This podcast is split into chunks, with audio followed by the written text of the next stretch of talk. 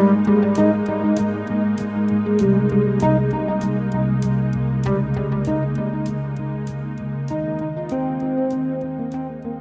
lytter til programmet Kvinner i vinden. Her skal du få møte kvinner som har noe ekstra viktig med seg på jobben trua på Jesus. Intervjuer er May-Britt Liljeros Lauvik, og programmet er produsert av P7 Kristen Riksradio.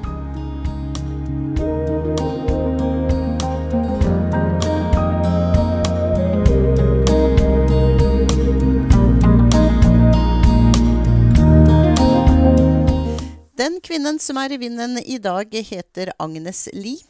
Hva er det du arbeider med? Ja, jeg er daglig leder i organisasjonen Wycliffe i Norge. Ja, Hva går det ut på? Ja, altså Wycliffe er en organisasjon som er engasjert i bibeloversettelse til språk der Bibelen tidligere ikke har vært oversatt. Så vi fokuserer på verdens minoritetsspråk, og dermed også mye på språk.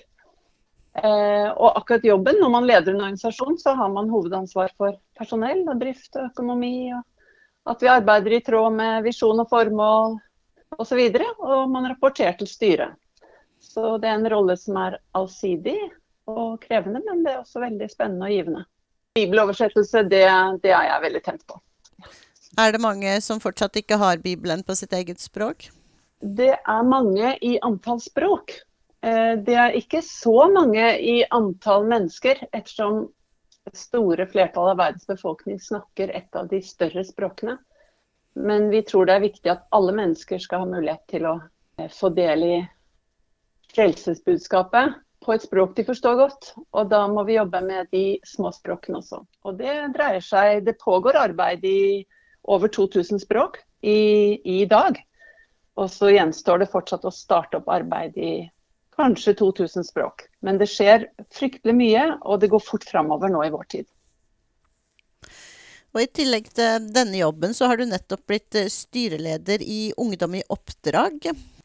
Ja, altså um, Når man først har sagt ja til å være, et, uh, være styremedlem, så er det jo også slik at et styre gjerne konstituerer seg selv, og da må man jo være forberedt på å ta ansvar innad i styret. Så da jeg ble spurt om det nå, så kom jeg til at det var det riktig å si ja til. Det, men det er et, eh, et stort ansvar, og så er det et privilegium.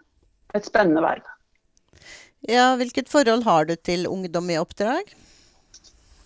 Jeg kjenner egentlig Ungdom i oppdrag ganske godt. Um, jeg var en del av bevegelsen uh, i tre år da jeg var tidlig i 20-årene. Altså det var på slutten av 80-tallet. Og jeg møtte min mann der. Eh, og siden det så har vi holdt kontakten med organisasjonen gjennom folk vi kjenner som jobber der. fullt med.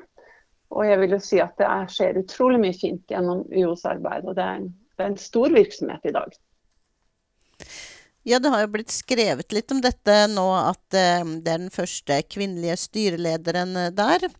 Og syns du at du er med på å påvirke folks holdninger til kvinnelige ledere? Det er klart at Nå har jo dette fått en del fokus, og, og det er jo en synliggjøring da, av at uh, kvinner også uh, kan bekle uh, slike verv. Så jeg tror nok at indirekte så, så, tror jeg nok man er med å påvirke ved den synliggjøringen og ved å modellere noe. Så håper jeg jo at jeg kan være et eksempel da, på at kvinner også kan egne seg som ledere.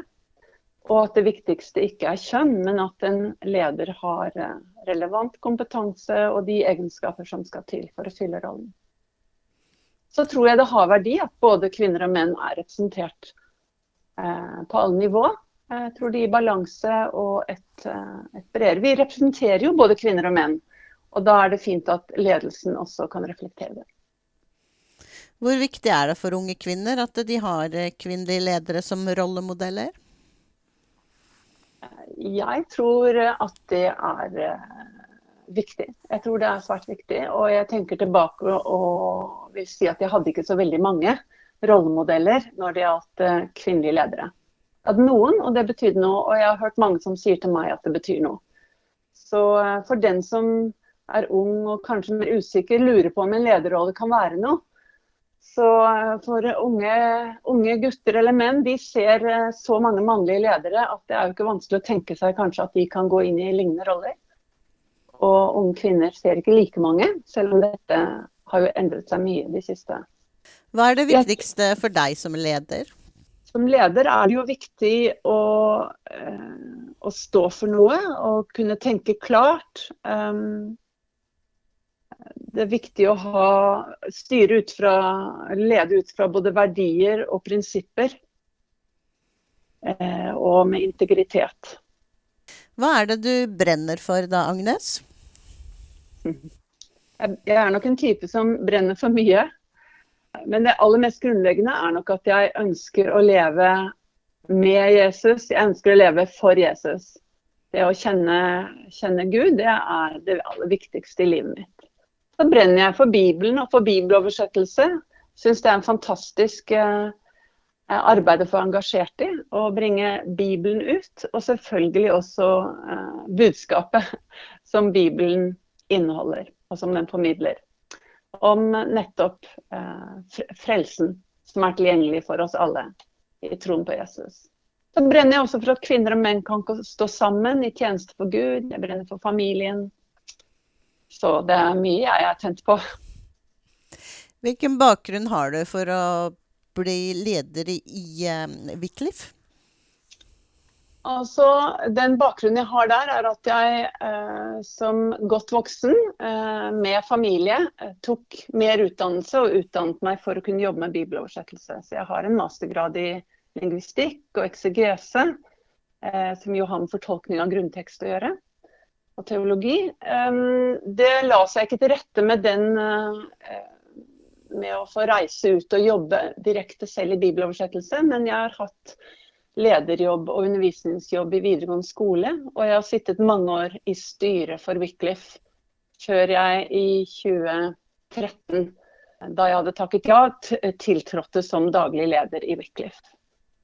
Så jeg har da altså utdanning eh, og faglig grunnlag innen selve bibeloversetter eh, og så har jeg ledererfaring og noe lederutdanning. Så til sammen, så sammen den jeg er, så tror jeg at det har vært et godt utgangspunkt.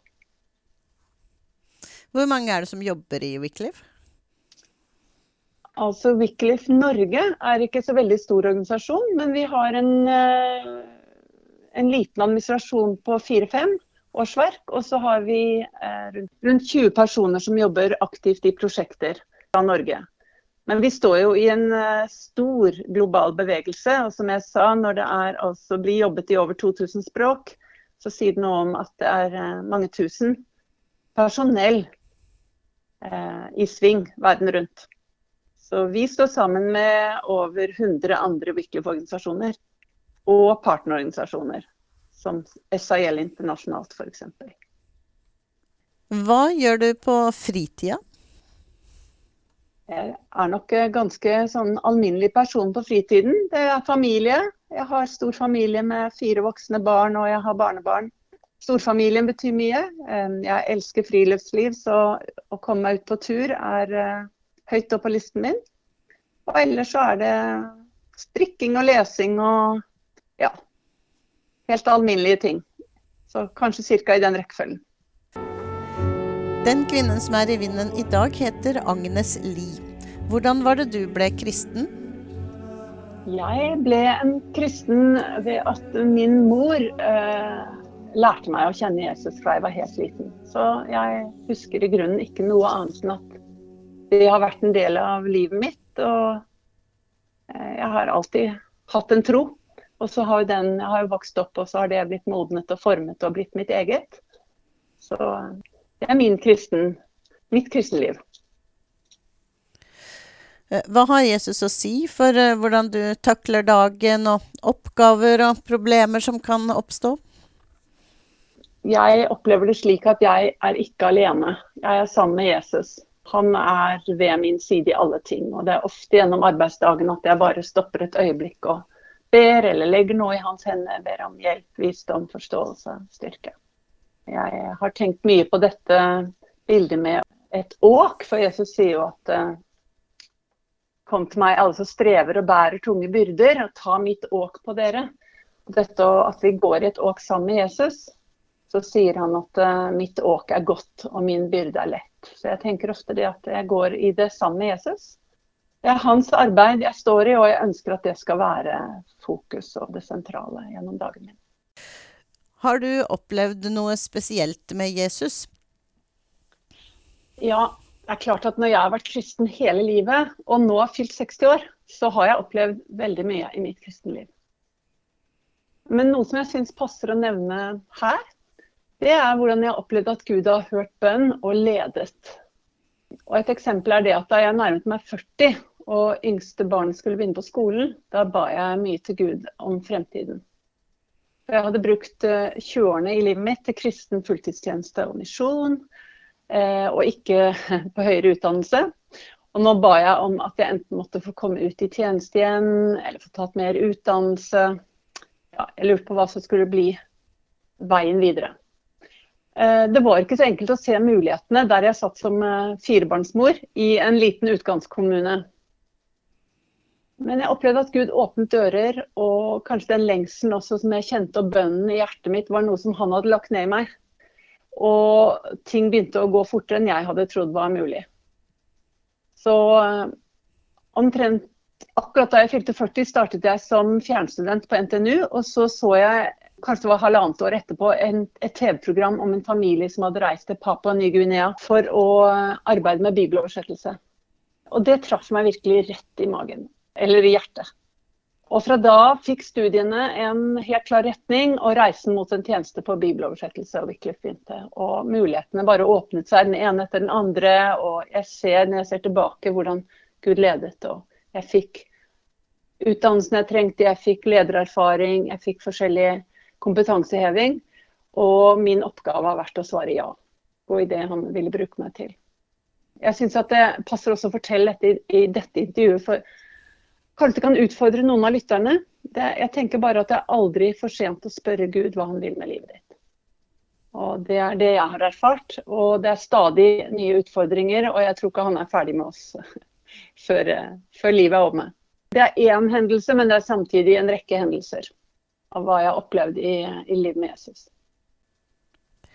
Hvilke utfordringer syns du kvinner møter i dagens eh, samfunn?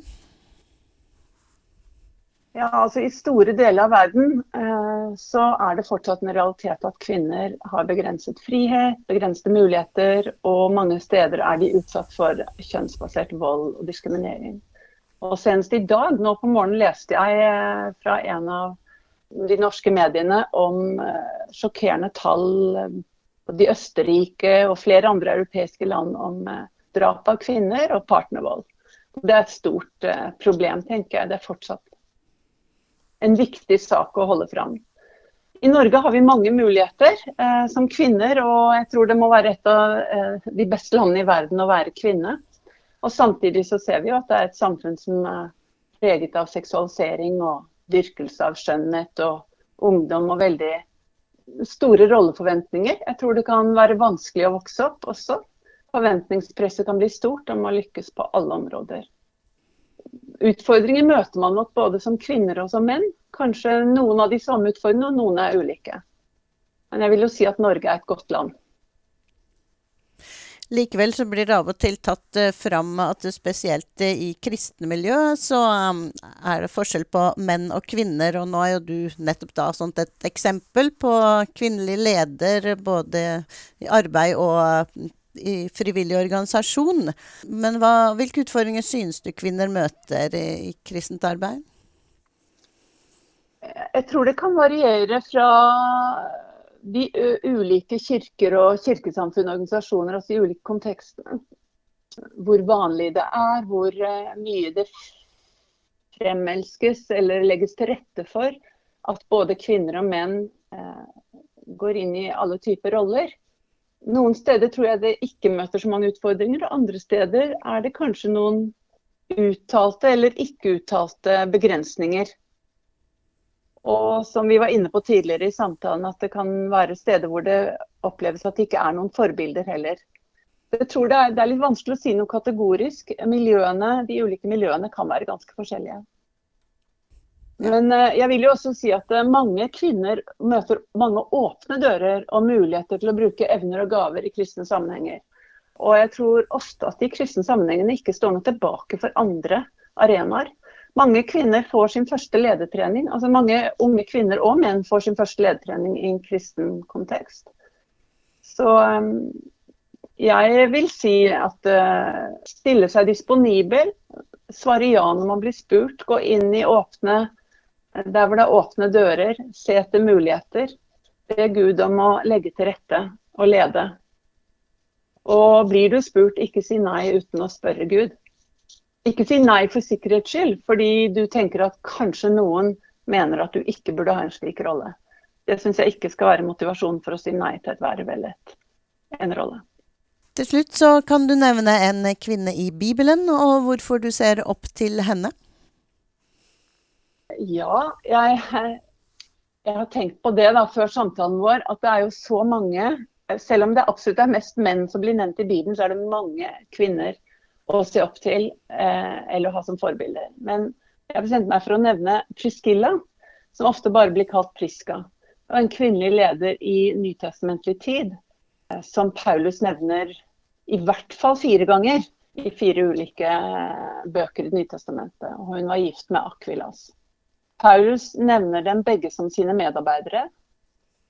Eh, og kanskje uvanlig for den tiden er at de flere steder hvor hun er nevnt, er hennes navn nevnt først. De ledet en husmenighet, og de bl.a. underviste de Apollos. Og som det står, de ga ham grundigere kjennskap til Guds vei. Dette står i apostelgjerningen 18, men det står at han allerede kjente skriftene godt. Men de underviste ham videre. Så det er all grunn til å tro at Priscilla var en av de kvinnene som sprengte tidens forventninger til hva en kvinne kan gjøre. Og hun hadde stor betydning i den første kristne kirkens tid. Så det må jo være et forbilde å se opp til, tenker jeg.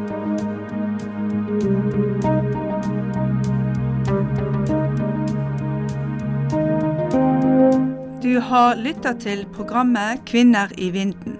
Intervjuer er May-Britt Liljeros Lauvik, og programmet er produsert av P7 Kristen Riksradio.